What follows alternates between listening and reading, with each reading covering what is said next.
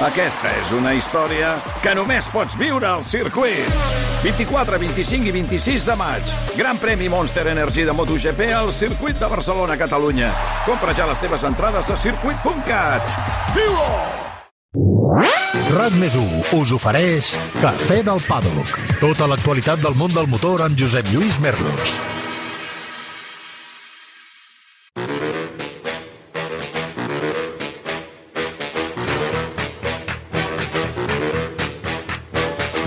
Després de 22 curses, els pilots de Fórmula 1 enguany han fet un total de 5.487 quilòmetres els diumenges, és a dir, el dia del Gran Premi, el dia de la competició. Ves si és bèstia la cosa, ves si la temporada ha estat especialment atípica, que després de 5.487 quilòmetres, la temporada, el títol, s'ha decidit justament en els 5 últims quilòmetres. Ni el més eh, enrebaçat dels guionistes, ni el més torturat dels productors hauria imaginat un final de temporada tan espectacular com aquest, en el qual, després de 1.490 voltes, el títol s'ha decidit en l'últim glob. No ha fet falta allò del puntet de la volta ràpida finalment per mort del destí. I com ha passat durant tot l'any, a l'última cita de la temporada, el Gran Premi d'Abu Dhabi, al Llaç Marinà, han passat moltes coses. Tantes que el programa d'avui, evidentment, com no podia ser d'una altra manera, es dedica pràcticament en la seva totalitat a analitzar el que va passar al circuit del Llaç Marina, a valorar el títol de Max Verstappen, la temporada de Sir Lewis Hamilton, perquè, per cert, avui serà anomenat Sir a Anglaterra, i el, les estratègies que han plantejat, la temporada que han fet els pilots espanyols, Fernando Alonso i Carlos Sainz, Carlos Sainz i Fernando Alonso. Va, en parlem tot seguit a l'últim Cafè del Paddock 2021. Avui, el Cafè del Paddock amb... Maria Serrat, Barcelona. Joan Villa del Prat, Sant Cugat. Miquel Cirera, Manresa. Cesc Vila, Les Comes. I, com sempre, Carla Gil a la gestió tècnica. ¡Trata de arrancarlo! ¡Trata de arrancarlo, Carlos! ¡Trata de arrancarlo! ¡Trata de arrancarlo, por Dios! Maria Serrat, ximpum.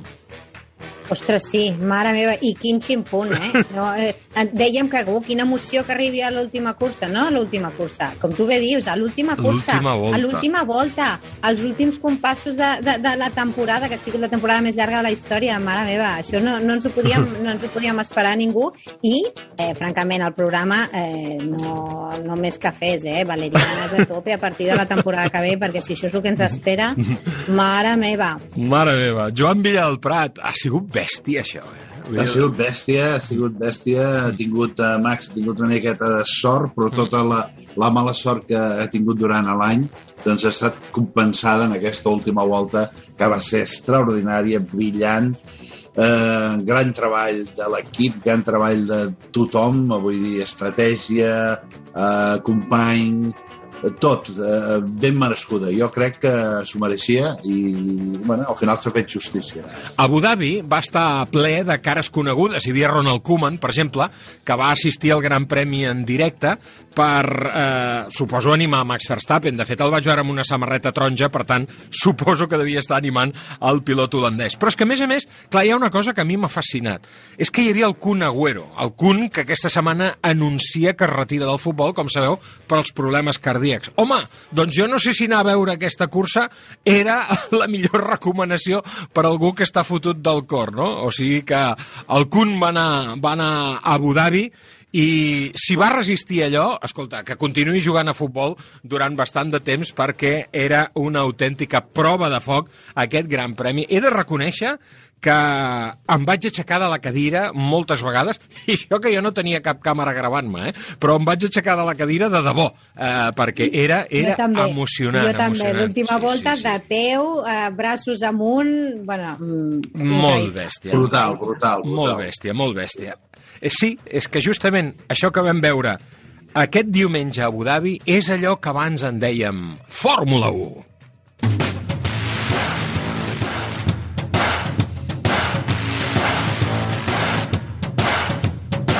Capítol 38, últim cafè del paddock. Max Verstappen es converteix en el 34è campió mundial de Fórmula 1 després de la victòria in extremis al Gran Premi d'Abu Dhabi.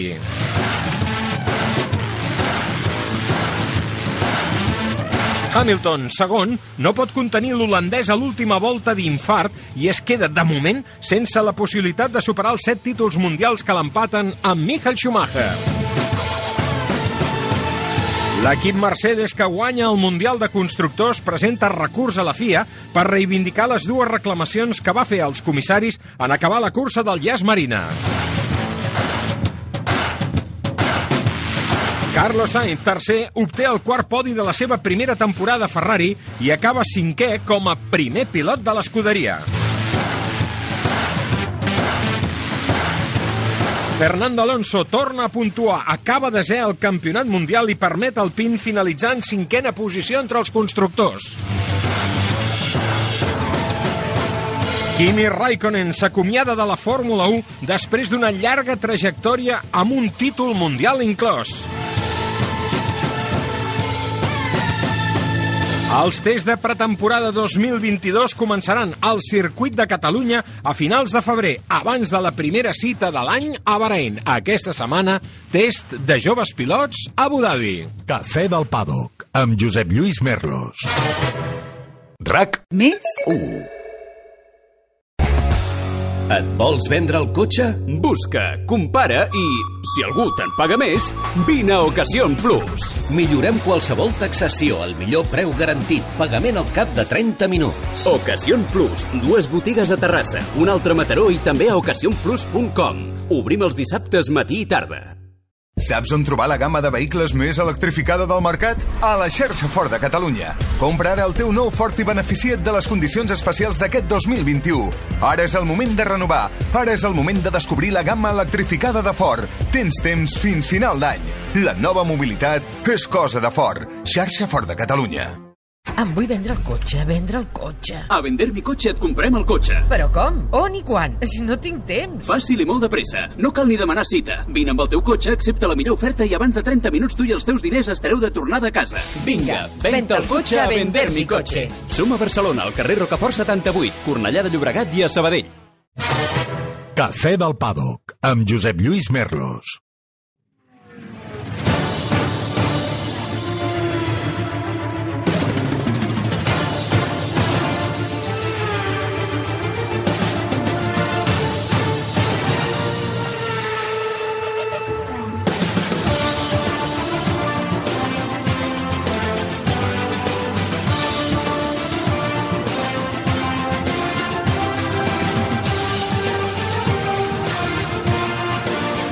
Se acabó lo que se daba. La temporada 2021 de Fórmula 1 ja és història.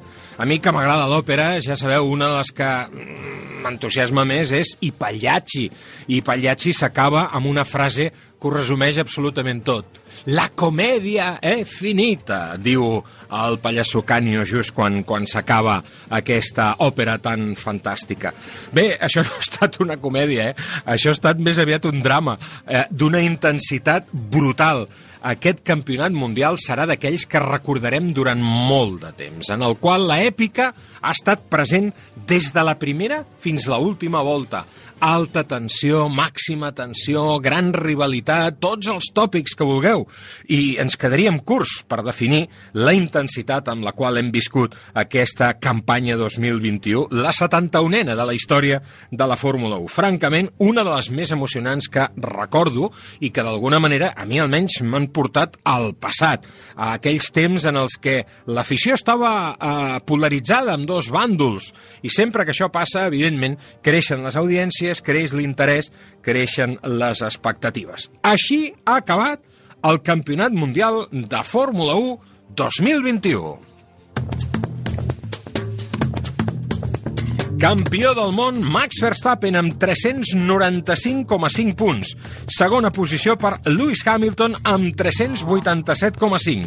Tercer, Valtteri Bottas amb 226 punts. Quart, Sergio Pérez amb 190. Cinquè, Carlos Sainz amb 164 i mig. Sisè, Lando Norris amb 160. Setè, Charles Leclerc amb 159. Vuitè, Daniel Ricciardo amb 115. Novè, Pierre Gasly amb 110. I desena posició per Fernando Alonso amb 81 punts. Per darrere, el seu company a l'equip Alpine, Esteban Ocon amb 74, segueixen Vettel, Stroll, Tsunoda, Russell, Raikkonen, Latifi i Antonio Giovinazzi. I sense marcar punts, Mick Schumacher, Robert Kubica, que recordem va participar al Gran Premi d'Itàlia i també al d'Holanda, i Nikita Mazepin. Aquests tres pilots s'han quedat sense puntuar. Pel que fa referència al Mundial de Constructors, nova victòria de l'equip Mercedes, amb 613,5 punts. Segona posició per Red Bull, amb 585,5.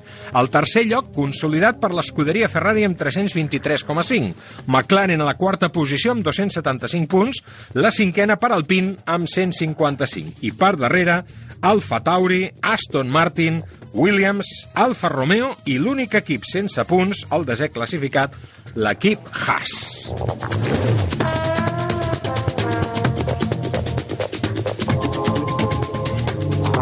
Per tant, doncs, campió del món i amb tot mereixement, Max Verstappen.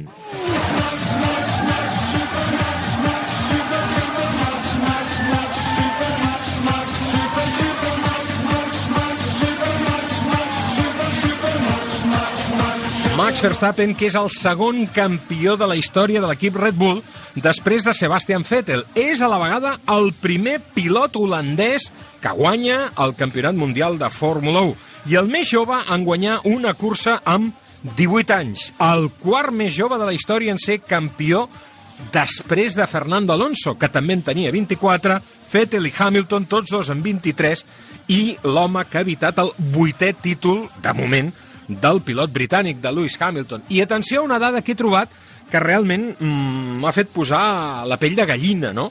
I és que Max Verstappen té 24 anys. Lewis Hamilton en té 36. Max Verstappen acaba de guanyar el seu primer títol de campió del món i de moment ha aturat la ratxa de 7 títols de Lewis Hamilton. 24 anys i 36. 24 Verstappen, 36 Hamilton. Un títol per Verstappen i 7 títols per Hamilton. Però és que, atenció, Fernando Alonso, quan va guanyar el seu primer títol, tenia 24 anys, els mateixos que Max Verstappen. Però és que aquell títol de Fernando Alonso va arribar per aturar la ratxa de 7 títols de campió del món de Michael Schumacher. Això era l'any 2005. I sabeu quants anys tenia Michael Schumacher en aquell moment? 36. Els mateixos que Lewis Hamilton ara. És a dir, Alonso va tallar la ratxa de victòries de Michael Schumacher en el campionat mundial i farà el mateix Max Verstappen? Estem assistint al final d'una era? No ho sabem, això només eh, el temps i el destí coneix, però no em direu que aquesta, aquesta estadística no és realment curiosa, no? no és realment interessant. Va, entrem en matèria, eh, no sabem si comença una nova època o no, però sí sabem que diumenge, justament el dia que s'acabava el Campionat Mundial de Fórmula 1, un dels més intensos de la història, s'acabava la trajectòria del meu estimat Francesc Rosés a TV3, ja que ha arribat el moment de reposar, després d'una vida intensa dedicada al món del motor, el iaio, el Francesc Rosés, plega. Plega de TV3, però estic convençut que eh, el, tindrem l'oportunitat d'escoltar-lo segur, ja us ho dic ara, i de continuar llegint-lo també. Eh, Joan, el Rosés se'ns ha jubilat, tu. Bueno, jo, jo crec que haurien de posar un tron allà a l'entrada i que faci com... Una estàtua. No? Que, que, que vagi dient a tothom bon dia, bon dia. Bon dia. Com els gats aquells coreans que tenen el braç aquell que puja i baixa. Exacte, és, és una institució, vull dir, a- el francès, a l'avi francès, eh, bueno, hem, hem tingut uns temps fantàstics amb ella, hem disfrutat, hem rigut, ens hem barallat, Molt, molt, ens hem barallat molt, també. hem, hem fet de tot. Sí. I la veritat és que bé per ell, si això és el que ell necessita i el que ell vol, doncs Mm. eh, em sembla fantàstic i es, espero i li desitjo el millor del món amb aquesta jubilació, que segur que no pararà. No, va, vaja. Incapaç És incapaç d'estar parat. I tant, i tant. Maria, uh, què n'hem de dir del Francesc Rosés?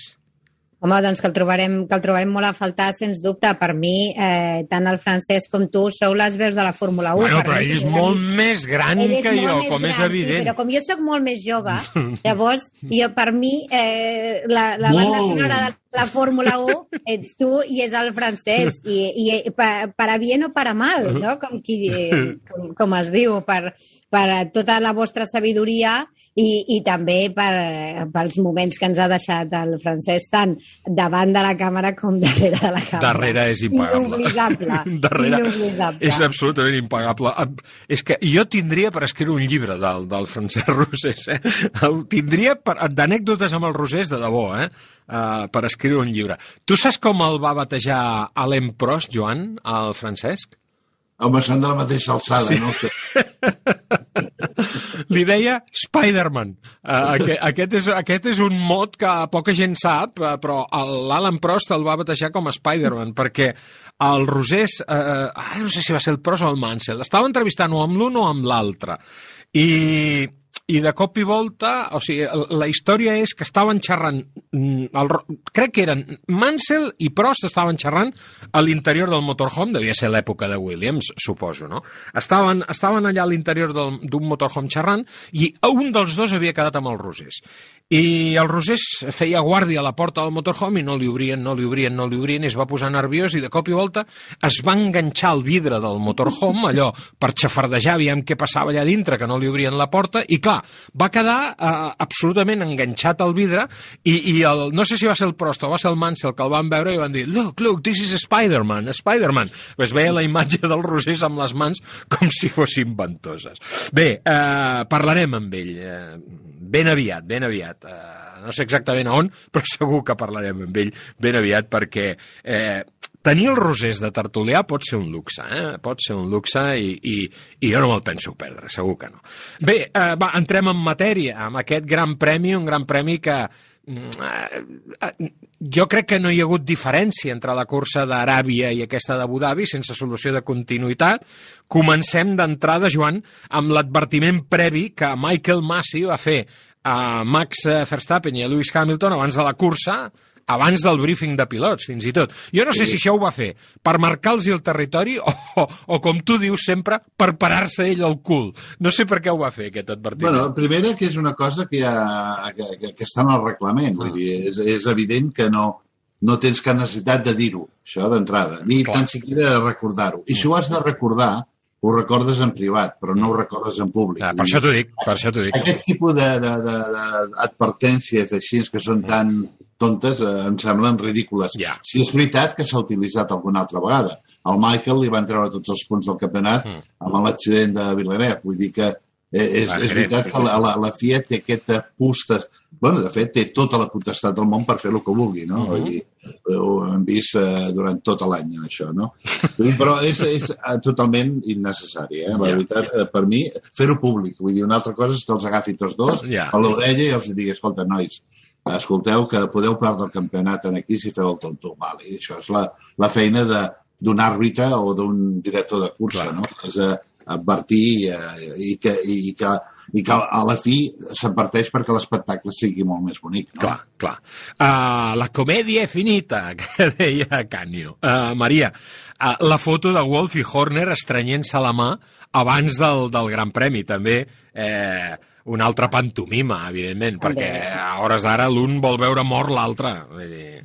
Sí, una foto de cara a la galeria, Mm. sí, de, de, també eh, una declaració entre cometes d'intencions del Mm. que venien dient tota la setmana de que volien guanyar el campionat eh, d'una manera neta, de que volien guanyar un campionat de, a, la, a la pista, Sí, etcètera, etcètera. sí. Però clar, eh, sí, sí, ens donem la mà, ens estrenyem la mà, som tots molt esportius, però mira, saps què? Jo m'enduré l'advocat, eh? M'enduré l'advocat de Abu Dhabi, perquè ja les meves intencions és de guanyar-lo a pista, però també les meves intencions és de guanyar-lo amb la, eh, passi el que passi i, i sigui com sigui, no? Està que és el que ha fet Mercedes també. Però jo vull dir, mm, vull posar mm, en relleu ah, un nom, Fernando Alonso, abans del Gran Exacte. Premi, que diu eh, crec que el títol se'l mereix Max Verstappen i el de constructors, Mercedes, perquè tenen el millor cotxe, i és exactament eh, el que ha sigut aquesta temporada, no? Algú que en sap molt ja ho va deixar clar d'entrada mm. i me n'alegro molt també de que s'hagi complit així. Uh, escolta, eh, és que Fernando Alonso, com diuen en castellà, no de puntada sin hilo, no? I a mi hi ha una cosa que m'ha... Molt, molt, molt. I toca molt, home, i toca molt. I a mi hi ha una cosa que m'ha encantat,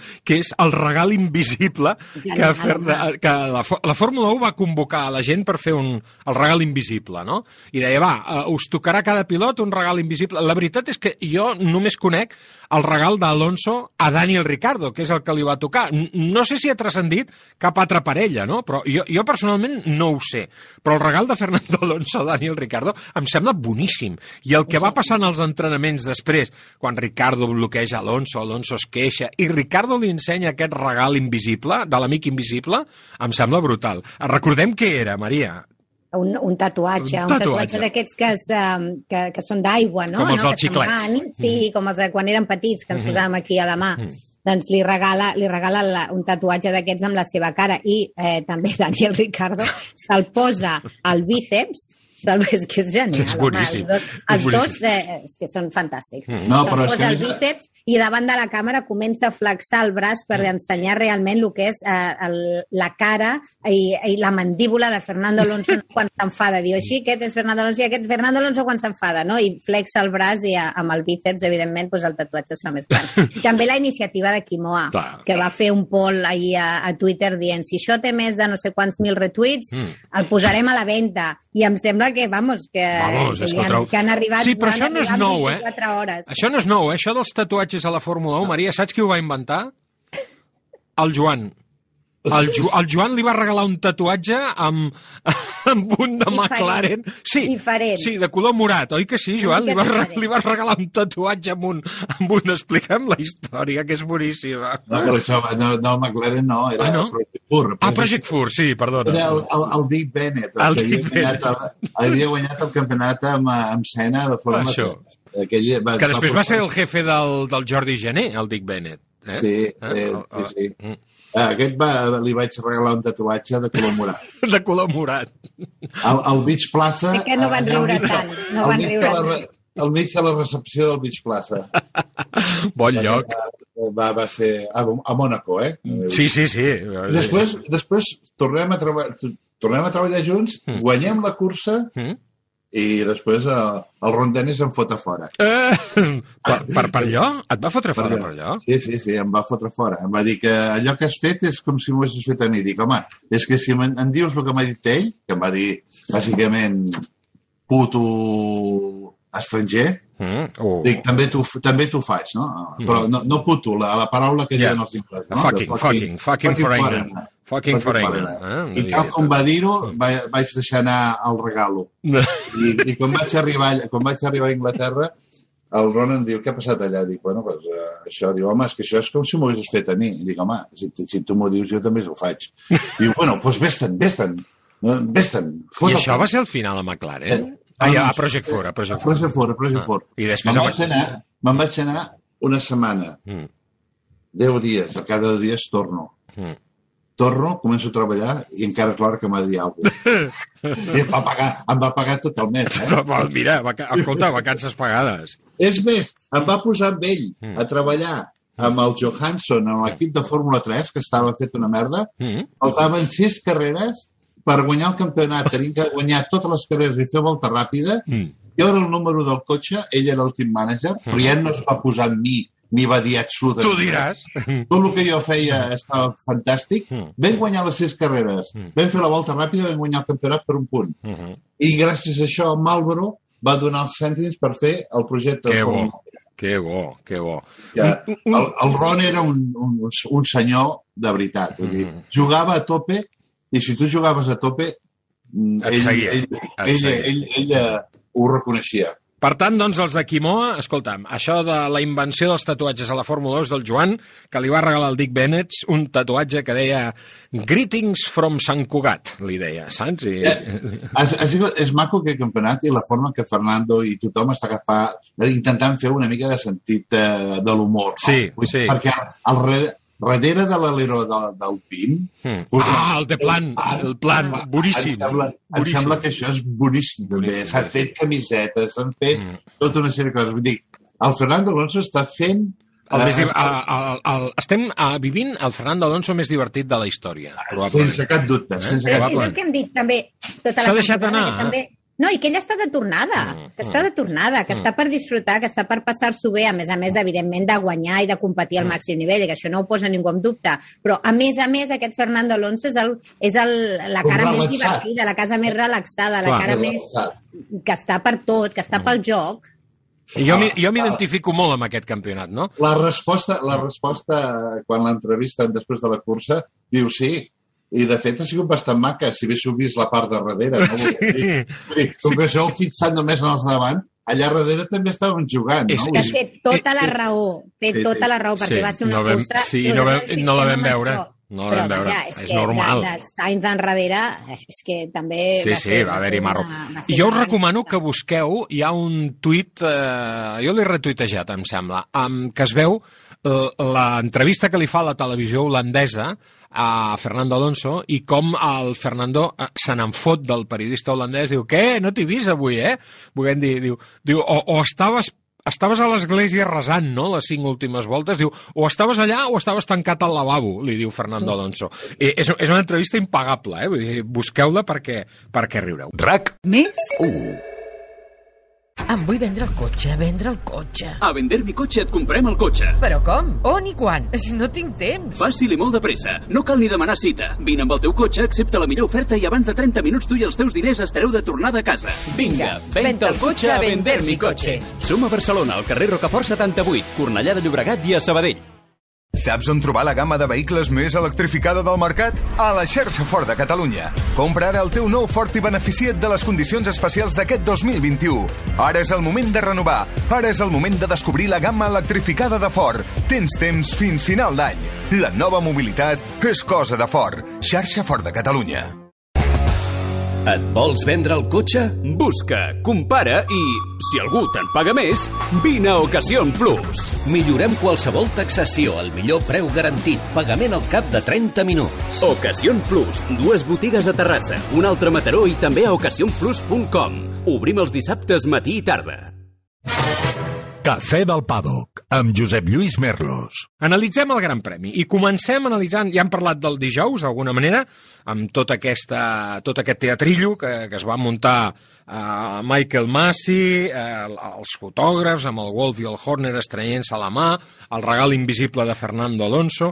Dissabte, mm, Joan, el treball de Red Bull per permetre la pole position a Max Verstappen després d'un clar domini de Lewis Hamilton a tots els entrenaments. Però jo penso que s'ha donat molta importància al rebuf, però jo crec que el rebuf va tenir una certa importància i he vist una comparativa dels temps del segon sector, que és on es produeix el rebuf, que ha fet el Dani Juncadella, que aporta molta informació. Dius, sí, el rebuf va ser important, però és que si comparem el segon sector de la volta del rebuf amb la anterior i la següent, que no hi va haver-hi rebuf, només hi havia 4 mil·lèsimes de diferència.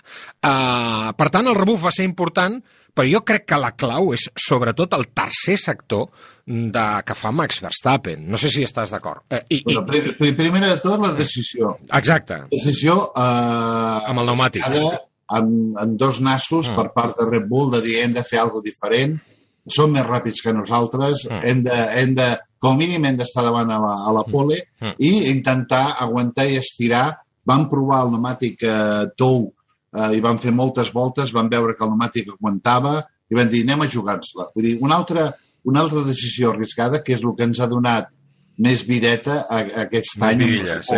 Que sempre, sempre, sempre, sempre han demostrat que estan un pas endavant de qualsevol altre equip, no? de, en quant a invenció i tàctiques i maneres de fer les coses. Vull dir, primera xapó per prendre aquesta decisió. Vale. La prenen amb els dos cotxes. Sí. Vale? I llavors jo crec que sí, jo crec que, que, que el Checo va fer un treball brillant en classífica, per no dir després en cursa. que Després ja en parlarem. Mhm. Ja en parlarem.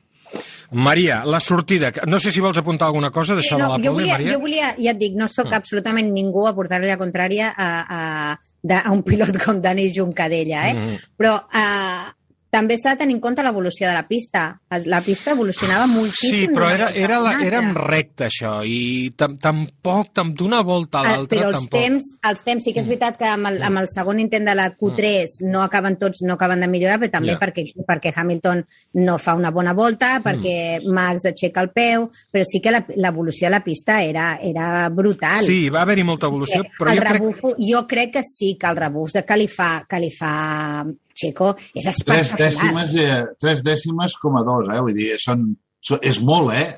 En un Molt, moment en què molt. Hamilton era més ràpid. La diferència entre... Ah, el I amb un sector, i u amb un sector això, que era eh? de Hamilton. Per amb això un t'ho sector dic. que era de Hamilton Mm, i la diferència, que és que pràcticament, com diu el Joan, és que és una gairebé un molt segon, és una important, fan una passada. cosa molt important, Josep Lluís. La descàrrega de, del Red Bull, no? Creuen ala i Ah, fan exacte. que el cotxe vagi molt més ràpid a la Mm. recta. Això, això és importantíssim. Sí, sí. Aquí tenim un Mercedes que eh, es pot, eh, eh, pot jugar en posar més ala Clar. perquè té la potència Clar. del motor Clar.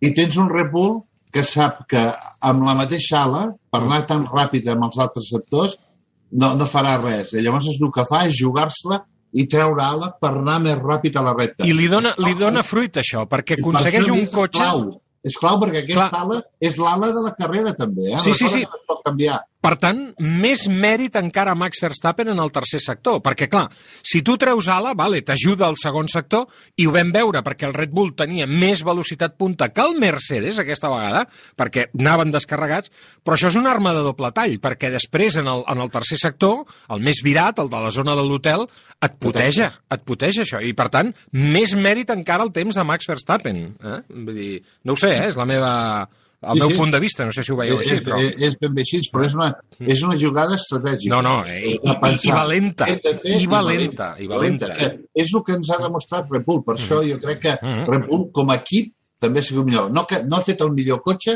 Sí. però ha sigut el millor equip, Mhm. per mi. Eh? Ja. Tant en stops com en estratègia. En parlarem del tema dels... Mira, o, o, o no, i mira, ja ho trec ara, ara que dius... Espera, no, deixa'm fer-li una pregunta a la Maria sobre la sortida, perquè tinc una dada sobre els pit stops que ja em sortirà. Després, quan parlem eh, del primer pit stop de, de Red Bull, eh, ho, ho trauré. Maria, eh, sortida. Excepcional, Lewis Hamilton l'arrencada, pneumàtic mitjà. Amb pneumàtic, clar. Ah, exacte. I Verstappen, que no surt bé, amb un pneumàtic tou que teòricament li hauria d'haver anat millor, no? Sí, sí, així crec que tots ens vam quedar bastant parats perquè va ser potser la, la pitjor sortida de Max aquesta temporada, no? En aquest sentit que portaven un pneumàtic més tou i que havia de, en teoria, reaccionar millor i, i, i sobretot que després també el condicionava, no? que si es quedava segon amb un pneumàtic més tou també tenia en principi la pitjor estratègia de, de, pits, de pit stop. Uh -huh. O sigui que allí em trec el barret amb la sortida de Hamilton amb un pneumàtic eh, també més dur. Ara bé, uh, jo, mm, perdoneu-me, però jo no acabo d'entendre què va passar què va passar allà després, perquè, perquè ella arrisca a la frenada Mm. i, i clar, mm, això de que, de que Max no tingui per, no, o sigui, no, no el pugui estrenya com el va estrenya, que sí que el va... O sigui, que tenia la posició guanyada, Max. Mm -hmm. Com pot ser que Lewis se surti de pista, retalli, guanyi la posició, o sigui, conservi no? la primera posició quan Max ja tenia guanyada la, la posició a l'àpex de la curva i no, i no, no, no se Vale. li digui que de Som al revolt 6 d'aquesta primera volta i aquesta no acció dels comissaris que decideixen no obrir investigació. que, mi, que algú me l'expliqui. Exacte. Sobretot, Joan, tenint en compte una cosa, que al Brasil va passar exactament el mateix i en aquell cas eh, Verstappen va haver de cedir la posició. Per tant, si, si ens hem queixat unes vegades d'unes coses, és de justícia reivindicar que aquí eh, a Hamilton li havia d'haver tornat la posició. No? Sense cap, sense cap dubte. Tenia que haver tornat la posició i, eh, a més a més, no, no s'entén ben bé els comentaris de, de Massi quan eh, el Jonathan, el, el team manager Sí. de Red Bull, Mm. diu, escolta'm, això no, no hauria de tornar a la posició. Diu, bueno, és que ja li ha tornat, ja, ja... Que ja ha ja l'ha compensat, diu, Ja l'ha compensat. Però a on? Sí, i, i, com, ho- i com el mereixes, aquest Ell, ell, avantatge? diu- ells, ells l'argument del director de cursa és que ell va forçar que el Hamilton anés per fora. El, el, el Max no el va tocar, el Hamilton quasi el toca, perquè va voler entrar i va veure que si entrava el tocava. Max es va quedar dintre de la pista, no va treure cap, no va, no va sortir de la pista, Mm. i Hamilton se'n va anar per fora i va guanyar un avantatge de fàcil eh, 60-70 metres. Vull dir que eh, no, no entenc eh, d'on li treu aquesta cosa de que... No van tenir nassos. No, Ah, bueno, jo, jo crec que és un tema de decisió, és un tema de... Bueno, però has de ser, has de ser una mínim, mínimament constant, no? Total, ah, aquí vaig, aquí vaig. Mínimament, ja no demano Mm. molta, molta cosa, però mínima, sobretot amb una cosa que s'ha parlat, s'ha reparlat, eh, s'ha dit, i a més s'ha dit sempre el, eh, burxant el Max, que representa que el Max és el que feia l'error. Aquí l'error és Hamilton i se'n va de rossetes. Ja d'entrada això ja Mm. emprenya a tothom. Ja, ja. I embruta la cursa al, al, des del primer minut. Perquè Home, de perquè vas volta- darrere d'ell, el pneumàtic no funciona, Exacte. tens el problema de, de, de, de l'aire brut que t'arriba, Mm. vull dir, si ell es hagués escapat, potser otro gallo cantaria. Sí, sí, està clar, està clar. Gomes mitjanes pel, pel, gomes mitges pel Mercedes de Lewis Hamilton, que s'escapa, que arriba a tenir 4 segons de diferència sobre Max Verstappen, que no se li podia apropar per mantenir una mica els pneumàtics, també, tot s'ha de dir, però el cas és que el Lewis comença a marcar voltes ràpida una darrere l'altra, amb 1.29.1, i escoltem un missatge mm, de Max Verstappen que diu les rodes estan totalment destruïdes enrere. Eh, Verstappen semblava fregit en aquell moment perquè se'l veia fins i tot desmoralitzat, no? Però arriba la volta 14 i Max Verstappen fa l'aturada al box. Sobre el que deies, Joan, dels pit stops. Uh, és que no només ha estat aquest any. Red Bull porta 4 anys consecutius guanyant el trofeu Aquela, que és el, el trofeu que s'entrega a l'escuderia que a final de temporada fa els pit stop més ràpids. De totes les parades a boxes més ràpides aquesta temporada, Red Bull ha fet 8 parades individuals més ràpides. És a dir, en 22 grans premis Red Bull n'ha guanyat 8. Però és que en 9 de, de, ha estat en 9 de les 10 primeres, també. Vull dir, és que és, és molt bèstia l'hegemonia que ha acreditat Red Bull en aquest, en aquest apartat. És, brillant. és, és salvatge. És brillant, ho saben fer, Mm. ho, ho practiquen moltíssim, eh, tenen un bon team manager que els eh, apreta. Això és cosa del Whitley, del Jonathan Whitley, això?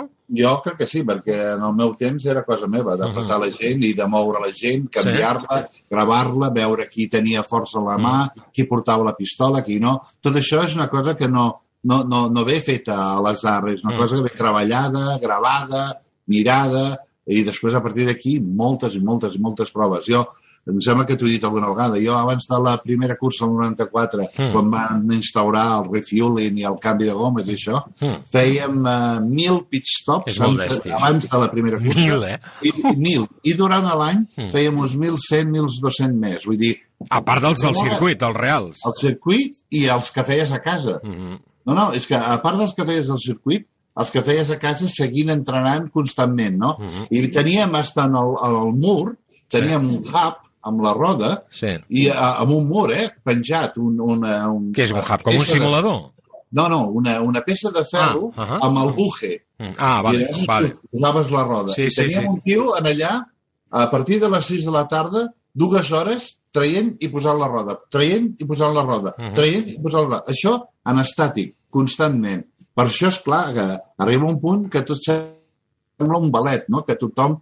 Eh, vull dir, no, no, Sí, sí, no, no és es una parla, coreografia no, no perfecta. guies. Eh, Són moviments que tothom sap com fer-los i, Mhm. i a partir d'aquí surt el pit stop tan fantàstic que són capaços de fer-ho, perquè quan pares de fer un pit stop en dos segons... És, és molt bèstia, molt bèstia. 1,8 han arribat a I, fer. i ara, i ara, Mm. ara els, han, els han limitat una miqueta. Sí, pel reglament. Pel Ells reglament. eh, 1,8 són el 1,8. rècord de mundial. ells. Exacte. Uh, volta 14. Mm, Max Verstappen entra, uh, col·loca el pneumàtic dur i una volta després, Maria, Mercedes fan bé i copien l'estratègia, uh, s'enganxen i diuen jo faré el mateix que facis tu i també uh, posa el pneumàtic dur.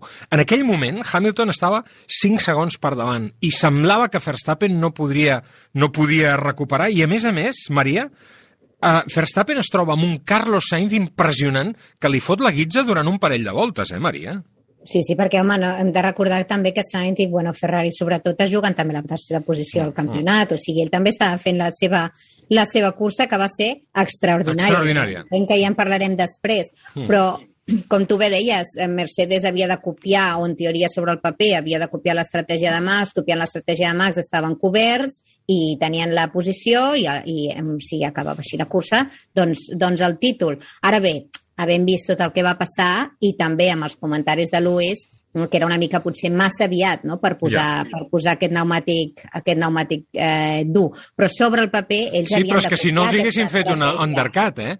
Si ells no entren, aleshores Red Bull et fa un undercut. Ells dir. havien de No, no, copiar li aquesta estratègia. Però costat, eh, Verstappen perquè- Ja. i Hamilton, aquí és també on es comença a condicionar una mica la cursa. Surten per darrere de Pérez. Pérez no fa el pit stop, Pérez es queda fora i sabem que Pérez és una persona que cuida molt bé els pneumàtics, que aguantarà aquests pneumàtics el que faci falta i anirà a la distància que faci falta. I que farà la feina d'equip que van veure que després... I aquí arriba impressionant el treball de Checo Pérez, Joan, Increïble. que, que, que li fa el boca a boca a Verstappen, perquè el ressuscita, eh? Vull dir, el ressuscita. Tot el contrari de Valtteri Bottas, que semblava un ànima en pena allà darrere. Sí, però, tota la però- temporada. Parlem, parlem de Checo, perquè la sortida fa una sortida fantàstica, es Sí. posa tercer, eh? Mhm. Es posa tercer i a darrere de Max. I per moltes vegades feia volta més ràpida que Max. Vull dir, semblava que Pérez tenia un ritme bastant Mm. bo. Jo crec que en aquesta cursa Pérez tenia un ritme fantàstic. Una altra cosa és que es va sacrificar pel company. Sí, perquè és una pena que no acabés, eh? Uh, És una llàstima que no acabés i podia haver acabat tercer, que això hauria sigut ideal i crec que bastant just eh, per lo que va fer. Però, però vam veure durant tot aquest temps, i sí, arribem en aquest punt on eh, Pérez està allà davant, que quasi, quasi et diré que afluixa perquè arribi sí, i Hamilton. tant, i tant. Eh, per aguantar els Sí, sí, pneumàtics. sí. Vine, Per- vine, que ja t'espero. Mm. Per poder-li donar guerra, Mm. i quina guerra ens va donar Pérez. Va ser un espectacle, allò, eh? Va ser un espectacle, un espectacle de, lo, de xapó, xapó. Que el Max, durant la cursa, digui que és un fenomen corrent. Diu, jugant- és una llegenda, un animal. Una llegenda, un animal, va dir textualment, eh? Brutal, brutal, brutal. no, és, rar, és... Home, li Home, va que recuperar 8 7 segons. segons, 7 segons en una Eh, volta, és molt clar, bèstia. és que és... Mhm. És molt bèstia. Uh, arribem, aleshores, a la volta 30, i en aquell moment Lewis Hamilton tenia 5 segons de diferència sobre Max Verstappen. Però el treball de Checo Pérez permet que el Max es vagi costant, es vagi costant, es vagi costant, es vagi costant. A tot això, gran actuació de Carlos Sainz eh, per allà, i Fernando Alonso, que seguia la pista, encara sense entrar a fer el pit stop, encara aguantant els pneumàtics. Parlem de com de bé tracta els pneumàtics Checo Pérez, però hem de dir el mateix de Fernando Alonso, perquè, a Déu-n'hi-do, va tornar a fer una exhibició de com gestionar el pneumàtic del seu Eh, cotxe. Era, són pneumàtics diferents, eh? Eh, Checo bueno. anava amb el tou Sí, sí, i el, el, el, el, el, el Fernando anava amb el eh? sí, sí, però, però el anava aguantant. era més- El anava sí, sí, aguantant. però era un pneumàtic que tenia més duració. I en bons temps, en bons temps, eh? perquè el pneumàtic dur crec que va ser la revelació d'aquest gran premi en aquest sentit, Ha perquè sigut, ha sigut en moltes curses. sí, les prestacions que donava eh, eren molt bones. Però arribem a la volta 35 i Antonio Giovinazzi, a la seva última cursa a la Fórmula 1, ja sabeu que l'any vinent se'n va a la Fórmula E, eh, casc d'homenatge a Kimi Raikkonen, per cert, eh, diu molt a favor de, de Giovinazzi, té una avaria i això fa mm, que el, el cotxe de seguretat virtual, que Michael Massey decreti eh, Virtual Safety Car per l'avaria de Giovinazzi. I aleshores, en aquell moment, Max Verstappen estava a 17 segons de Lewis Hamilton. Però aquest cotxe de seguretat virtual permet doncs, que aquesta diferència s'aixugui. Però, mm, Maria, arribem a la volta 45 i Lewis Hamilton es troba amb els I aquí doblats. Entra, entra Max Verstappen a fer el segon pit Ah, el stop, segon pit a posar correcte. un segon joc de pneumàtics durs. Durs una altra vegada. Donarà la pres molt bones prestacions. Mhm. I Hamilton no entra. Uh -huh. Hamilton Correcte. no entra aquesta Mitjos, vegada. mitjos, no d'usos. Ah, mitjos, no? mitjos. El groc, el groc sí, el No, mitjos. ten... no. No, no, no, no, no. l'ú- l'últim era el dur. Perquè no tenia Sí. mitjos. Exacte. Max no tenia mitjos. Mhm. Fa dos jocs de pneumàtic Bé, en qualsevol cas, Sí. eh, aposta per un pneumàtic complicat, diguem-ne, no? Perquè, clar, tothom s'imagina...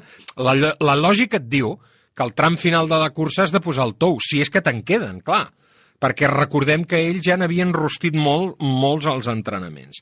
Però arribem al moment clau, al moment clau de la cursa, i és que eh, Latifi, amb un Williams amb motor Renault, ho dic perquè que ningú imaginés aquí un Singapore Gate o coses d'aquestes així, un Williams, ai, amb motor Renault, amb motor Mercedes, vull dir, eh, té l'accident que té i provoca el cotxe de seguretat. I aquí arriba el merder màxim, no? Eh, ens semblava que el que havia passat amb, a la primera volta, el revolt número 6, amb la no cessió de la posició per part de Lewis Hamilton sobre Max Verstappen, allò era escolmo, que diria aquell, i, però ens trobem amb un autèntic bunyol de ressortida, eh? perquè mm, jo en aquest sentit no li vull treure ni un mil·límetre de mèrit a Max Verstappen, està clar, però he vist maneres millors de solucionar eh, situacions així. Clar que hagués estat molt trist que el Mundial hagués acabat darrere d'un cotxe de seguretat. No, ni el campionat, ni l'afició, ni ningú s'ho mereixia. Però, home, es podia haver estat una mica més polidet, no? Max Verstappen, eh? Esteu d'acord o no?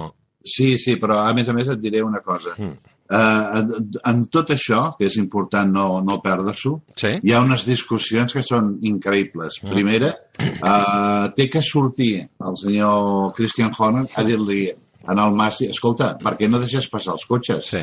El, els doblats. I primer no els deixen passar. En tot Correcte. això van perdent temps. I llavors es decideixen deixar passar. Mm. Però no deixen passar tots, sinó en deixen, de, en deixen Sí, passar però no, no, cinc. però sí, sinó todo lo contrario. I, I llavors només en deixen passar 5. I llavors Aquest es és el problema. bueno, se'ns se'ns acaba aquí. Això el campionat s'acaba darrere del car. Diuen, no, no, no, no. Algú de dalt diu, no, no, hem de fer, aquí hem d'acabar a la pista. I llavors es Massi decideix que una vegada han passat els cinc cotxes i ells estan en posició de tirar la cursa endavant i els dona una volta, que crec que per l'espectacle és el correcte, però tot això es podia haver arreglat i evitat si Massi haguessin començat a fer passar els cotxes Abans. abans. Ah, exacte, Vale? exacte, exacte. Cosa que una altra vegada s'equivoquen. Eh? I és que- que la, que la FIA s'equivoqui, això que ho reconeixin és impossible. Sí, eh? sí, ha deixat de ser notícia, a més a més, això. Fins la volta 1139, Maria, Lewis Hamilton era campió del món, i a partir d'aquell moment, Lewis Hamilton eh, pateix el que no està als escrits amb uns pneumàtics que ara sí, ja estaven a les últimes, per això que tu has dit abans, perquè els havien posat molt aviat, però ho havien de fer per intentar Sí, sí, neutralitzar. absolutament. Però no només, no només és eh, que Hamilton portava aquests pneumàtics Mm. tan, tan vells, no? sinó que eh, Max fa dues aturades de més. Ah, aquesta exacte. que dèiem amb Virtual Safety Car Uh -huh. I la- l'altra aturada per posar pneumàtics tous al final, Mm-hmm. per aquesta última volta sota Safety Car. Faltaven cinc voltes i posa Ah. els pneumàtics... Molt valent. Posa el pneumàtic Molt tou valent, quan molt surt... valent. Molt, i, I l'equip aquí està per treure's el barret, perquè És- és, és tu, el contrari de Luis, el contrari de Luis. Sí, però és I amb molt... pneumàtic tou per l'última volta. Sí, però és allò No all-in.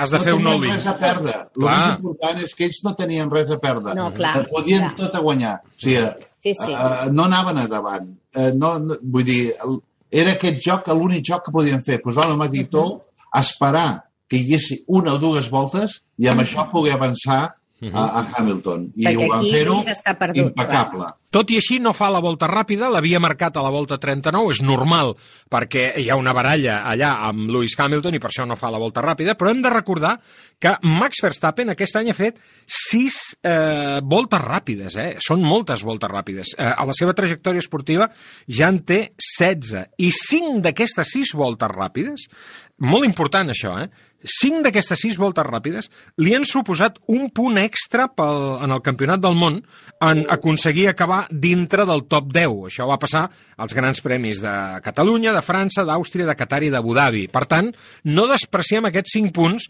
que després han jugat un paper determinant, no? És a dir, això corrobora l'estratègia aquesta arriscada de Red Bull en els últims instants, que unes vegades l'hem vista amb Checo Pérez, altres vegades l'hem vista amb el propi Max Verstappen, però no hem de despreciar aquests 5 punts, eh, perquè és, és molt bèstia. I a partir d'aquest moment, un Max Verstappen imperial, amb una conducció impecable, les coses com siguin, supera net. Lewis Hamilton, net, net, res a dir, res a dir, Res absolutament. res a dir. absolutament a dir. I Max Verstappen fa el mateix que va fer Lewis Hamilton quan guanya el seu primer títol mundial, aconseguir-lo a la última volta de la cursa.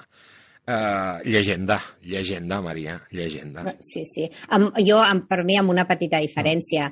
Max guanya barallant-se amb un Lewis que està en plena forma eh, i, i arriben tots dos a disputar aquesta, aquest campionat i aquesta posició a la pista, mentre que Lewis el, la guanya amb aquell desafortunat mm -hmm. moment, amb Timo Glock, Ah, no? sí. Tot és una mica, A Brasil. una mica més, sí, Mhm. una miqueta més, mm, més fosc, menys, menys categòric en la meva, Ja. amb la meva opinió, no? O sigui, Max ho guanya Sí. contra Hamilton. No, i el guanya per mèrits propis i. Hamilton al seu un- moment el guanya Lewis- per una cagada d'un altre. Eh? I amb un a que està no en plena forma. Jo Sí. crec que hem vist un dels millors Luis de, de Sí, la sí. història, perquè també ha hagut de pilotar al límit, també se l'ha vist esperonat per aquesta rivalitat amb Max tota la temporada i, i per mi un dels millors, com bé dèiem des del principi, un dels millors títols mundials que hem vist no en els últims anys, sinó en les últimes, jo diria, fins i tot dècades.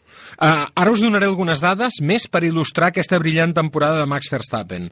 L'holandès ha estat el líder del campionat en 652 voltes. Això vol dir que Verstappen ha liderat els grans premis en el 50,2% del total de les voltes que han fet aquest any en competició.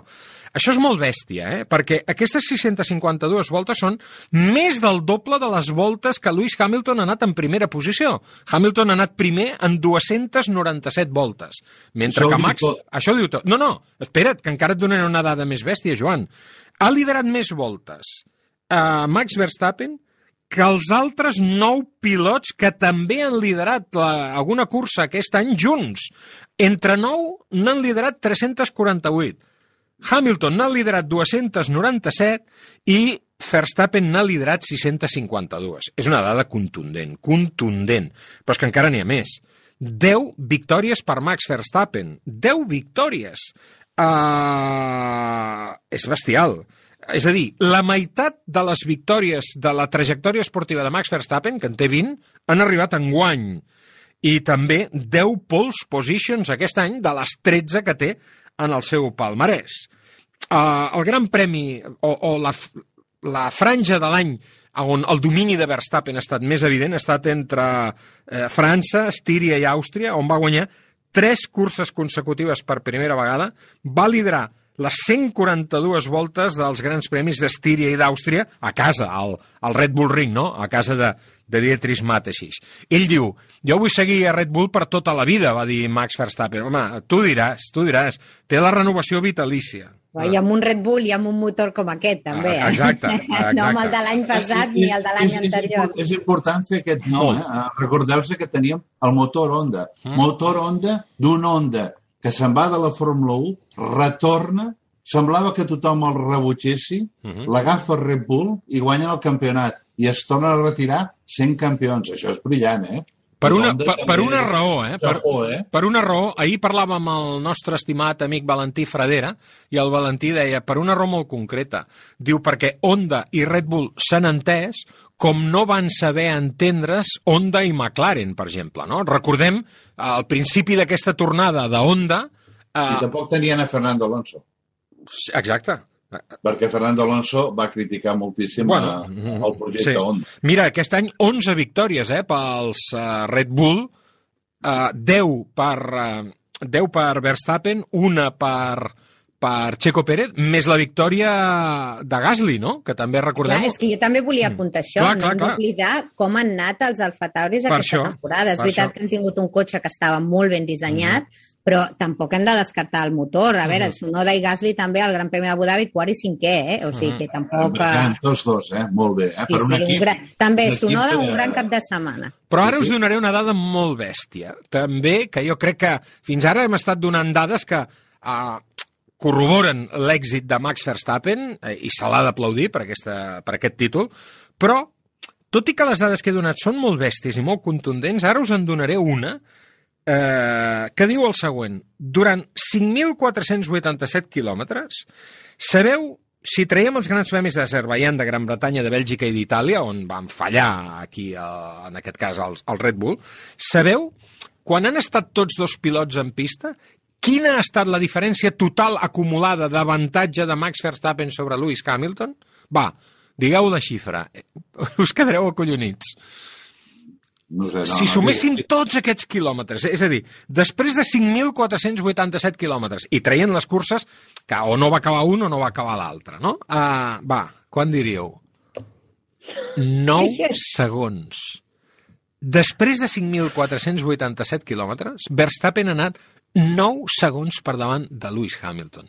Jo crec que això també il·lustra, i positivament, També, exacte. la temporada de Lewis Hamilton. No? Jo crec que l'hem de posar en valor, també. Vull dir, ha guanyat Verstappen, però també podia haver guanyat Lewis Hamilton. Bueno, però hem de, hem de dir que Verstappen diu molta mala sort, eh? A explotar-li Sí. la roda a Baku quan... Però ja t'hi ja t'ho he tret, ja t'hi tret. Azerbaijan, t'he tret Silverstone, t'he tret Sí, sí. Spa i t'he tret Monza. Sí, però no pots treure. Dir que, No. que hi ha hagut més fortuna per Hamilton Ahà. que per uh, Verstappen. Això és el que vull dir durant Ja. tot l'any. Eh? Mhm. Vull dir, ja no et parlo de Silverstone, que Hamilton el fot fora. No et parlo de que Bottas el fot fora a la, a la següent cursa, o no me'n recordo on era ara. Mhm. Eh? A Azerbaijan, que li explota la roda. Vull dir, home, hi ha coses que són eh, que ell no pot fer res.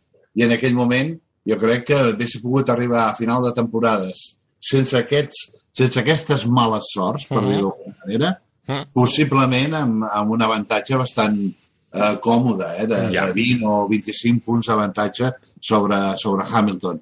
Al final, les últimes, des de Brasil, bueno, jo crec que des de Mèxic, Mèxic. que ja es va Mèxic, veure que ja es va veure que ràpidament eh, hi havia algú amb eh, Mercedes que havia canviat, Mhm. que van trobar o potència o el que sigui, el, el que sigui que van trobar, van fer un cotxe molt més superior que el Red Bull en aquestes últimes curses. Mhm. Sense cap dubte, això en trec cap mèrit a Hamilton, eh? Ja. En, en No, absolut. no, no, no. Però, però tenien un cotxe que era imparable, amb una velocitat punta que es permetien posar més ala que els de més, això vol dir més tracció, Mhm. això vol dir més ràpida en, en revolts Sí, sí, curts, etc. Vull dir, mm, jo crec que a, a, a, aquest final ha sigut un final tan apretat perquè, gràcies a Déu, teníem, ten, Max tenia una mica d'avantatge. Mhm. Si no, ni el veu, eh? Ja ho veu, clar, clar, clar. Ja el veu? Si, si això surt dos o tres curses abans, eh, aquest campionat era per Mercedes, segur, o per Mhm. Hamilton.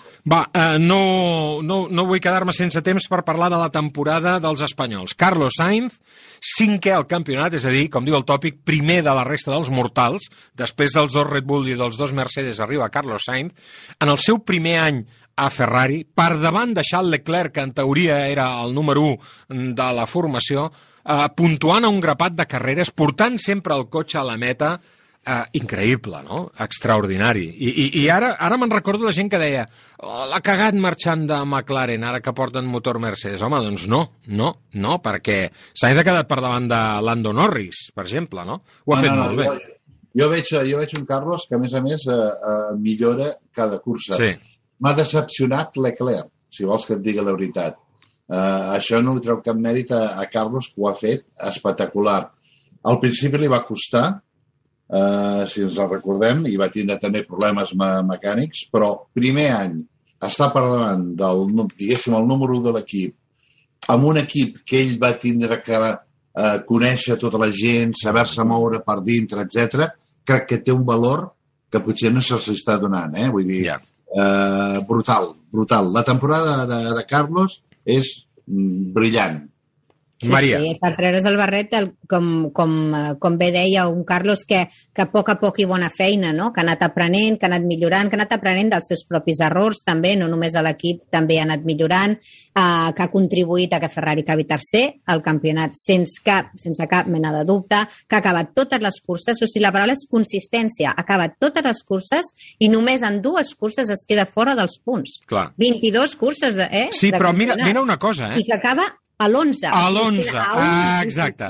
dels punts. A una posició dels punts. casos. Les dues, Sí, sí. les dues proves, que són Portugal i França, França. que el Carlos no puntua, es queda a les portes, es queda a l'11. Per això. Mentre que Leclerc, uh, aprofundint amb el que deia el Joan, Leclerc també es queda sense puntuar, a més de dues curses, a, a tres concretament, però és que n'hi ha dues que són Mònaco i Hongria, que esperen els dos circuits més lents del campionat i, i no es classifica, eh? Dir, no, Mhm. no acaba, no? I a l'altra cursa, la de Sochi fa el 15, eh? Fa el 15, és, és espectacular. No, és un gran premi on el Carlos puja al podi. Clar, dir ah, exacte. que La diferència, de nou, entre Sainz i Leclerc És molt grossa. és, és gran. Mhm. Per mi és la progressió i la, el anar creixent cada cursa. En recordem del Carlos que ho feia bé el divendres i el dissabte la cagava en classificació.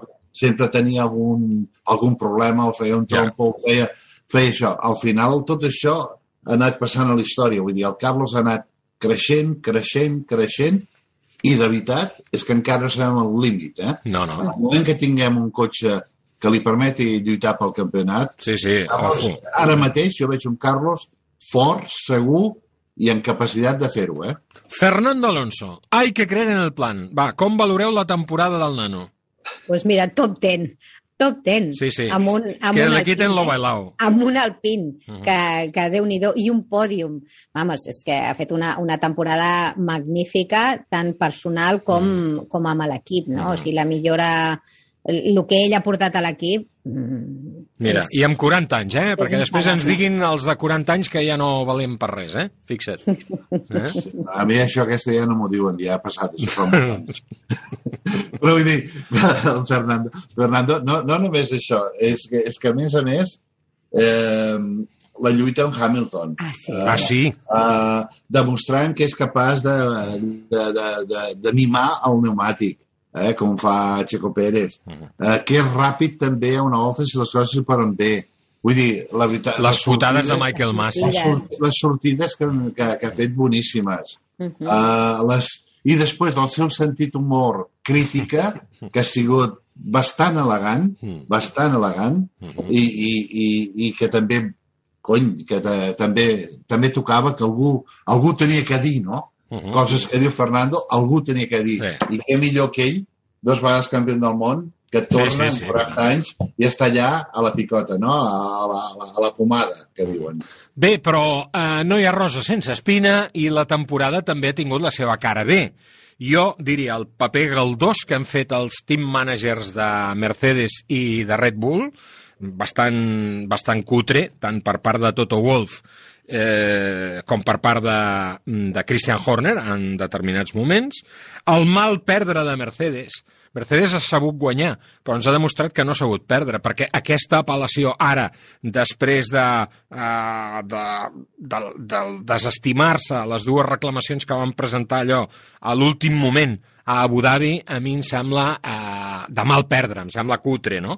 I el paper de Michael Masi, n'hem parlat molt al llarg de la temporada, però és que jo crec que això jo crec que ha estat el pitjor d'aquesta temporada, no? El mal perdre de Mercedes, el paper quillo que han tingut els dos caps d'equip i Michael Masi.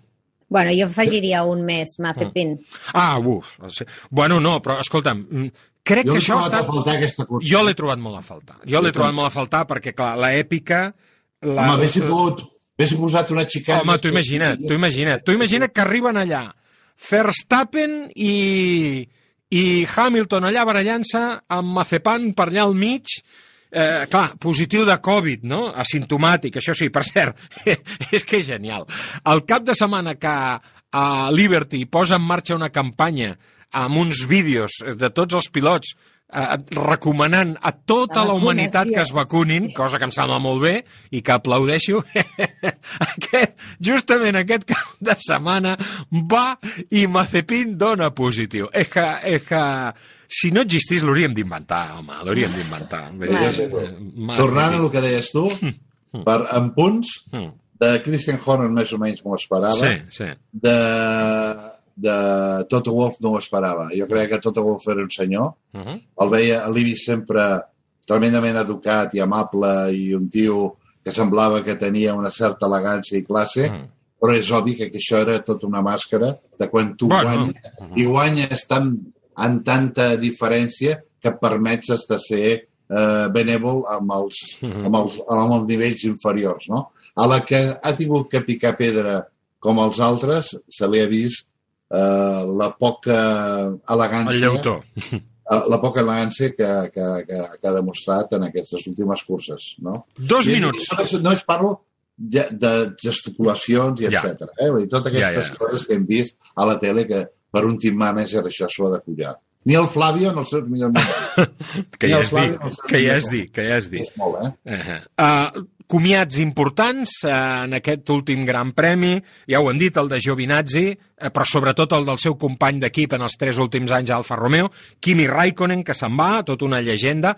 Jo el trobaré a faltar, eh, perquè a, a, a mi Kimi, Leave Me Alone, el, el gelat, totes aquestes coses, i el títol mundial, evidentment, però per mi Kimi Raikkonen eh, és un person que el trobarem a faltar, no? Eh, Va estar, va estar emotiu a la, Sí? la ella quan li van donar Maco, aquella foto. va ser maco, foto Sí. El tot. vídeo, el vídeo es podien haver lluit una mica més, eh, també, Sí, perquè el, veritat. el vídeo era bastant merda, eh, el vídeo que li van fer per homenatjar. Però tot l'altre va estar... Va L'altre va estar bé, sí. sí, I ell, sí, sí, sí. per primera vegada, donant les gràcies a tothom, també el vaig trobar una mica diferent. Sí, i tant que sí. Últim gran premi de les rodes de 13 polzades, a veure què passa amb els tests ara amb, el, amb, el, amb les llantes noves. Ja sabeu que a partir de l'any vinent entren a escena les llantes de 18 polzades. I què ens espera el 2022? no ho sabem, no ho sabem. Tindrem tot l'hivern per reflexionar-hi, evidentment. I ara sí, hem arribat al, al final d'aquesta anàlisi de la temporada. Encara ens queden algunes coses en aquest últim cafè del paddock eh, del 2021. Joan, Maria, és l'hora dels adeus. O, fins, o, fi, o a reveure's, a O- reveure's. esperem que sigui Ara, perdona, només 71 dies perquè comencin els entrenaments Sí, sí. Eh, de pretemporada. Se'ns faran llargs. Al circuit de Catalunya, per cert. Eh? Vull dir, allà estarem com un, com un clau. Eh? Gràcies. Ah, Moltíssimes gràcies a vosaltres, que m'ho he passat molt bé, com molt sempre. bé, molt bé. I hem après moltíssimes coses tots plegats, però sobretot ens hem divertit. Eh, Joan, ja en portem unes quantes, eh? Sí, noi. Sí, noi. No, no, no. Bé, bé, ha estat, eh, ha estat un any fantàstic. Espero que la Fórmula 1 segueixi així. I eh, no tinc cap dubte que, que Hamilton estarà allà una altra vegada. Sir amb- Lewis Hamilton. Per, per Sir Lewis Hamilton, per, eh, per, eh, per, per guanyar el, el, el vuitè. I espero que Max li posi totes les travetes per arribar-hi. Doncs a veure, perquè així ens divertirem. Tant de bo que sigui així. Joan, Maria, Maria, Joan, moltíssimes gràcies. Petons, abraçades, i ens retrobem, espero ben aviat, en algun lloc. Segur. Fins aviat. Una abraçada molt forta a tots i als oients. Gràcies. Continua Gràcies Cafè del Paddock, i tant que sí, gràcies a tots. Últim bloc de Cafè del Paddock, amb més temes, no us perdeu al final del programa d'avui, perquè ens enfilarem a la cadira i farem el vers de Nadal, però ho farà algú que és molt bo i molt animal. Cafè del Paddock, amb Josep Lluís Merlos. RAC Més? 1 Et vols vendre el cotxe? Busca, compara i, si algú te'n paga més, vine a Ocasión Plus. Millorem qualsevol taxació al millor preu garantit, pagament al cap de 30 minuts. Ocasión Plus, dues botigues a Terrassa, un altre a Mataró i també a ocasionplus.com. Obrim els dissabtes matí i tarda. Saps on trobar la gamma de vehicles més electrificada del mercat? A la xarxa Ford de Catalunya. Compra ara el teu nou Ford i beneficia't de les condicions especials d'aquest 2021. Ara és el moment de renovar. Ara és el moment de descobrir la gamma electrificada de Ford. Tens temps fins final d'any. La nova mobilitat és cosa de Ford. Xarxa Ford de Catalunya. Em vull vendre el cotxe, vendre el cotxe. A vender mi cotxe et comprem el cotxe. Però com? On i quan? No tinc temps. Fàcil i molt de pressa. No cal ni demanar cita. Vine amb el teu cotxe, accepta la millor oferta i abans de 30 minuts tu i els teus diners estareu de tornada a casa. Vinga, venta el cotxe a vender mi cotxe. Som a Barcelona, al carrer Rocafort 78, Cornellà de Llobregat i a Sabadell. RAC més 1 us està oferint Cafè del Paddock. Tota l'actualitat del món del motor amb Josep Lluís Merlos.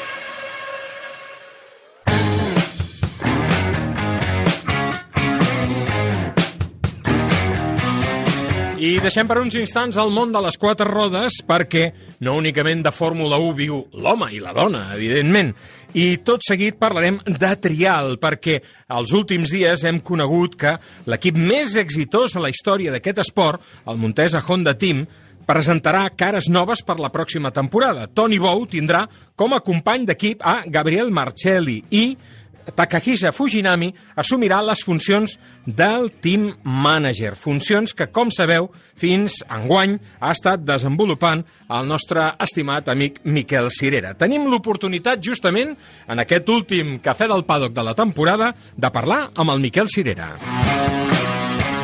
Miquel, què tal, com estàs? Gràcies per acompanyar-nos. Bona tarda, gràcies a tots i a vosaltres. Escolta, 46 anys dedicat al món del trial. Jo et feia més jove, eh? Això ja saps que passa per tothom. Ja. Sense, sense parar. Per tant, bueno, orgullós d'haver pogut treballar tants anys en un esport, en un esport que m'agrada tant, no? Uh -huh. Com vas començar amb el món de la moto? De què et venia, tu? Com perquè el meu pare havia sigut motorista al seu nivell i he fet cosetes i després el meu germà va començar a fer una mica de, bueno, el que es feia abans, anar amb moto i als 11 anys vaig començar a anar moto jo i d'aquí fins avui sense parar. Quins eren en aquell moment els teus referents? Res, anar amb moto. El meu referent era pobret, pobret de mi, vivia en un poble perdut per mai, imagina't, Sant Feliu Serra, i el meu referent era anar amb moto. I després, bueno, vam començar a veure trials i veure coses, però al principi no fèiem ni trial, anàvem, a, anàvem a moto per la muntanya. Amb moto per la muntanya. Sí, aprendre a anar amb moto, que era, imagina't, a 11 anys era l'home més feliç del món, no? Aleshores, eh, bueno, ens va aparèixer el trial i en aquell moment doncs, hi havia Pere Pis i aquesta gent que corrien a Inés Agricultors, aquesta era l'època d'aquesta gent. Que em vaig començar, el meu pare em va començar, amb el meu germà vam començar a anar a veure trials. I sempre amb Montesa? No, no, tinc que dir que vaig començar sent un pilot semioficial de Voltaco. Això no ho sap gaire gent. jo no ho sabia. Saps Pues que no ho sabia, això? Hi ha sorpreses, hi ha sorpreses. Sa hi ha sorpreses. saps que t'ho hagués retret en algun moment, si, Sí, ho- segurament. si ho per hagués això no t'ho sabut. deia, per això no t'ho deia. Per això no t'ho deia. I Però bueno, sí. sempre trial? La competició per tu comença amb el món del trial? Sí, sí, sí, sí, sempre trial.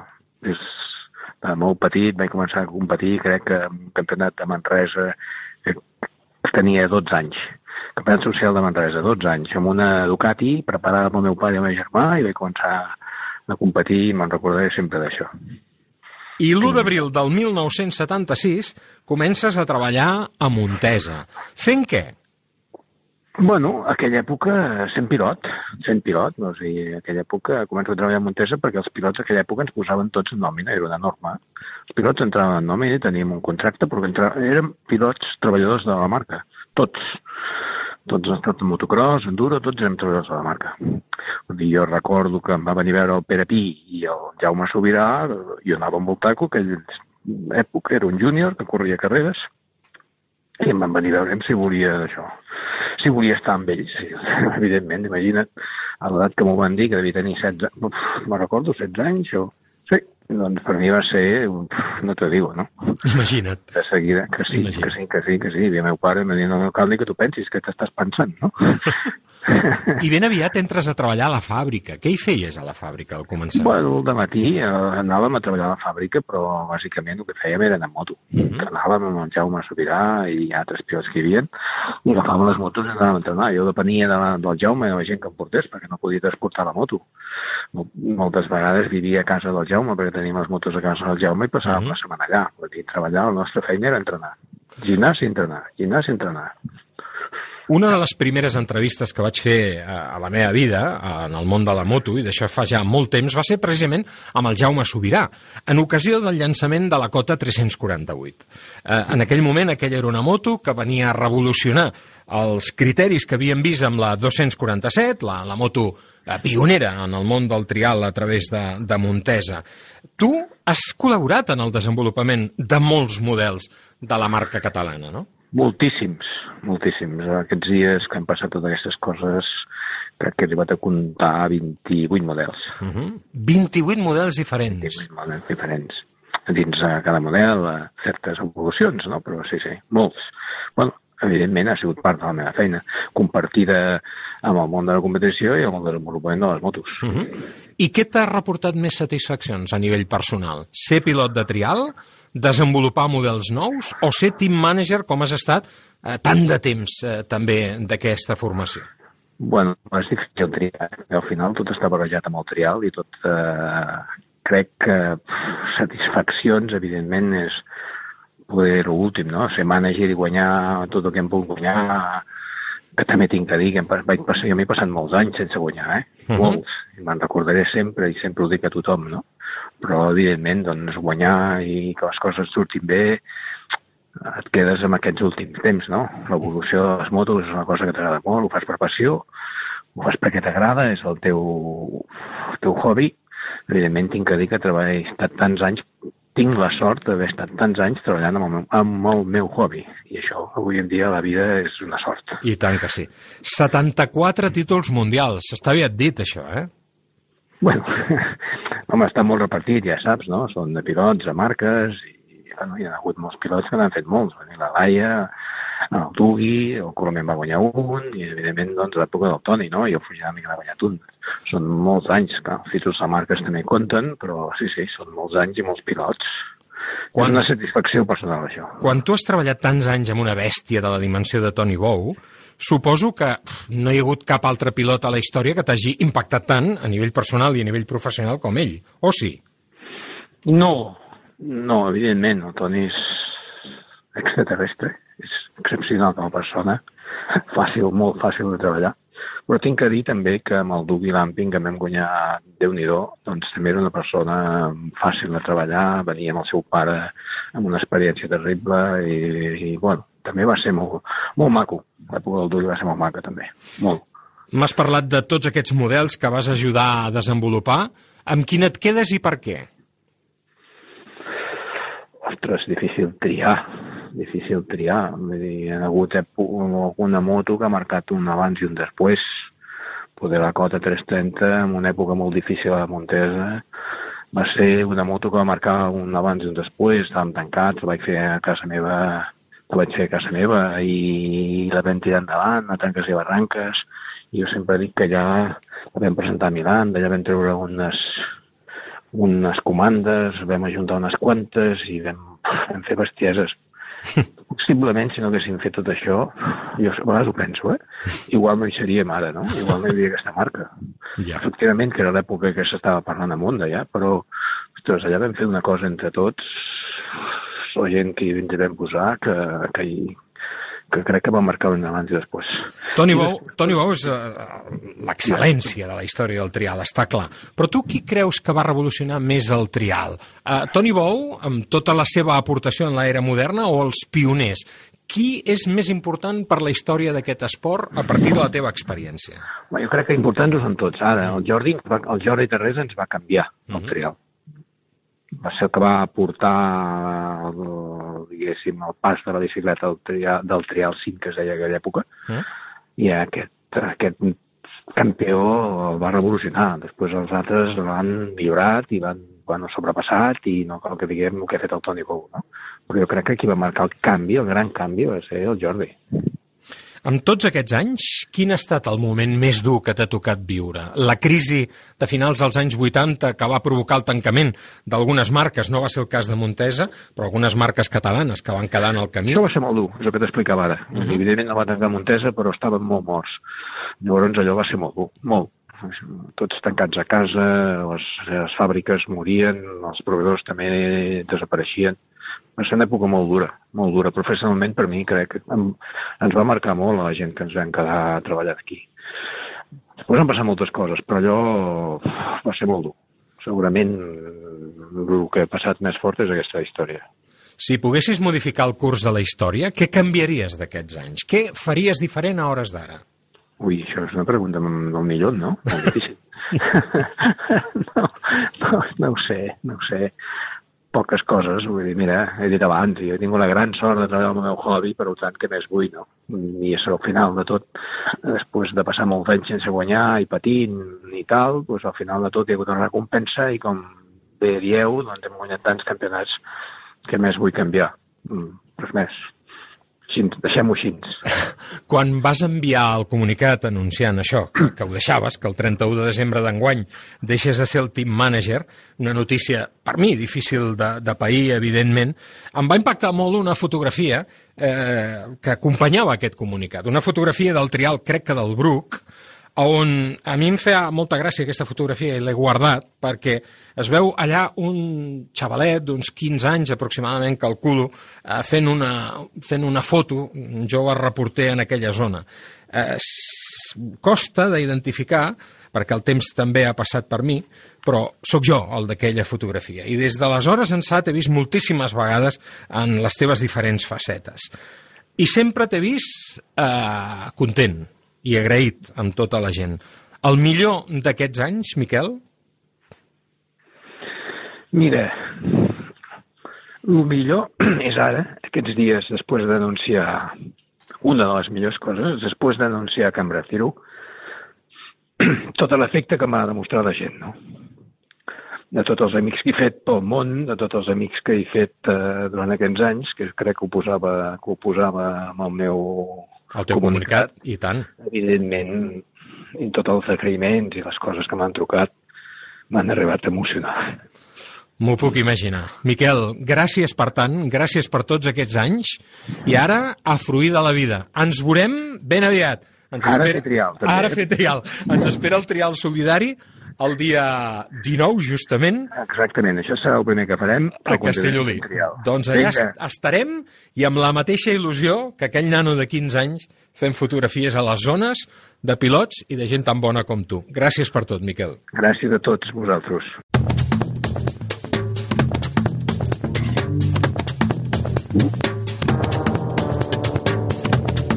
I amb aquesta entrevista dedicada al món del trial i en especial al nostre estimat amic Miquel Cirera, posem punt final ja a aquesta aventura que durant aquesta temporada 2021 ha suposat aquestes versions del podcast Cafè del Paddock fetes per RAC més 1.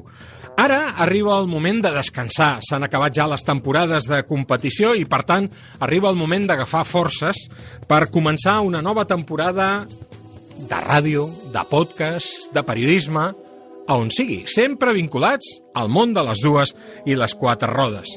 S'acosta el Nadal i en aquesta època és eh, molt comú que molta gent faci el vers. Jo no em veig capaç de fer el vers, perquè jo de poeta en tinc més aviat poc. Però avui voldria acomiadar aquesta última edició del Cafè del Paddock no amb un, sinó amb tres versos que ha fet algú que és un autèntic poeta un autèntic crac. Ell és la veu, ja sabeu, la veu del circuit de Barcelona-Catalunya. Va ser la persona que em va rellevar a mi com a speaker, com a primer speaker del circuit de Montmeló. Algú a qui encara podeu escoltar a través del servei de megafonia del circuit, no solament del de Montmeló, sinó de molts altres llocs. Us deixo amb el primer vers. No en té res de nadalenc. Sí que el té, però, del món del motor i ell va fer aquesta mena de rap, per dir-ho d'alguna manera, dedicat als pilots del Mundial de Ral·lis. I ho va fer justament al podi del Rally Catalunya Costa Daurada. Escolteu el primer vers de Nadal que ens dedica en Cesc Vila. Hey, ¿qué tal? Saludos desde el rally. Dice, Evans, Evans, oye, oye, que estás sordo. ¿Qué pasa aquí, hombre? La camisa Látvala con agua y en solans de cabra y te va a quedar como novil. Tú que eres tan formó, que no te pique un Tanak. Con el solver que cae, a ver si se te van a llevar en Camil. Venga, que estás hecho un robampera. Estás más Green Smith. Me llames. Bé, ja heu pogut escoltar aquest vers, eh? Fet a Salou, al podi final, a Port Aventura, d'aquest Rally Catalunya Costa Daurada. Però, en realitat, el Cesc és un home que ve del món de la moto. Les motos li encanten, li ve de família, això. I per això, a l'últim gran premi d'aquest campionat mundial, al podi del circuit de Chest, en ocasió de l'última cursa de la temporada, va fer un altre vers dedicat, en aquest cas, als pilots de motos. ¿Qué tal? Saludos desde Valencia. Estoy en el podio, el Mundial de MotoGP que llega a su fin. La temporada 2021. Por aquí han pasado 30 pilotos que como mínimo han participado en una carrera. Hice un vídeo con los pilotos del Mundial de Rallys, pues ahora toca MotoGP. ¿Preparados? Pues dice, este verano me marqué un viaje que no veas, en Rabat. Me bañaba en la playa, había un marini muy tranquilo. Un día, después de jugar a Bradel, pues me fui a tomar un vermut. Un Martín Rossi con Binder Cash. Buenísimo. Estaba, pues bueno, con su Oliveira. Comí, pues, ah, tortilla de espárgalo doble porque me pirro. Y además todo estando vicioso. Hubo un día que fui a alquilar una moto, una Morbidelli, y me lo pasé Petrucci. Era feliz. Iba pues tocando el Dixon, rins, rins, mirando el paisaje que era precioso, era para Gerloff. Y además, pues bueno, entre viñales, todo muy verde. Pero de golpe, buah, casi la Nakagami, porque pisé un zarco y casi me pego un crachlo, pero de lecuonato, ¿eh? Ya te digo yo que me sabadori de milagro. Pero además esa moto no le entraba a la cuarta raro, porque la había probado antes y funcionaba. Pedro, sabiendo que pues antes la llevó un Bastianini, pues ya no me extrañó. Y se lo dije al dueño, le dije, eh, va, pero me puso Miller de excusas. Oh, 30 nombres, ahí están. ¿Qué? ¿Os ha molado o no mi viaje? un sitio muy bonito. Lo que pasa es que me acribillé los mosquitos cuando se fue el Lorenzo. Incluso, bueno, me quedé hecho polvo. ¿eh? Fui a ver a Il Dottore y no estaba. Y me salió su nieto con una checa. Y el, bueno, y me recetó un Don Simoncelli y me puso una tiriti. ¿eh? y el tío se quedó tan agostini. Bueno, va. Salud, ser buenos, que, que tenéis un peligro, porque a la mínima te lías. Venga, que eres el rey. Estoy en Valencia. El rei Aspar. Hasta la próxima. Salud. L'èxit ha estat tan espectacular d'aquests versos del Cesc Vila que després de la primera edició dedicada als ral·lis i d'aquesta altra que acabeu d'escoltar dedicada als pilots de MotoGP, el Cesc n'ha fet una tercera per resumir aquest campionat mundial de ral·lis del 2021. L'escoltem. Hey, ¿qué tal? Saludos. El otro día hice un vídeo pues con cuatro nombres ahí en el Cataluña, en el rally. En el Mundial de Rallys hay muchísimos nombres y yo pues soy también de una época que soy más de, de- soy de Carlos Sainz y Luis Moya. Yo si tuviera a Carlos aquí pues le diría, "Pff, eres un máquinen, sabe un motón de llevar el Bugalski. Es que en esa época él tenía otro Walter Roll, y- pero es un tiempo que a mí me marcó Allen mucho. ¿eh? Yo le diría, Carlos, es como si Stoll en la playa de Cancún hablando por el Ericsson o mandando un Blomqvist con mi nuevo ordenador MacRae de Apple. ¿eh? Te servía en el bardolet de la esquina un Burns frío. O si me apuras, dele cur un batanen de fresa con una mícola de zanini rallada. O prefieres comer un panizzi con pimientos del padón. ¡Buah! Y te quedas más a Gustavo Trelles que ni lavado con Oriol. Carlos, ¿quién te va a Rañotti a ti si eres el más grande? Si en una carretera de curvas, una carretera sinuosa, o bajando por un Toivonen, parece que vas por el salón de casa o por el Gardemeister del exterior. Que nadie te copequi el estilo, ¿eh? porque si no la liati y le pons a buen recalde. En, esta, en esa época, pues eh, no había tanta desviación ¿eh? como ahora.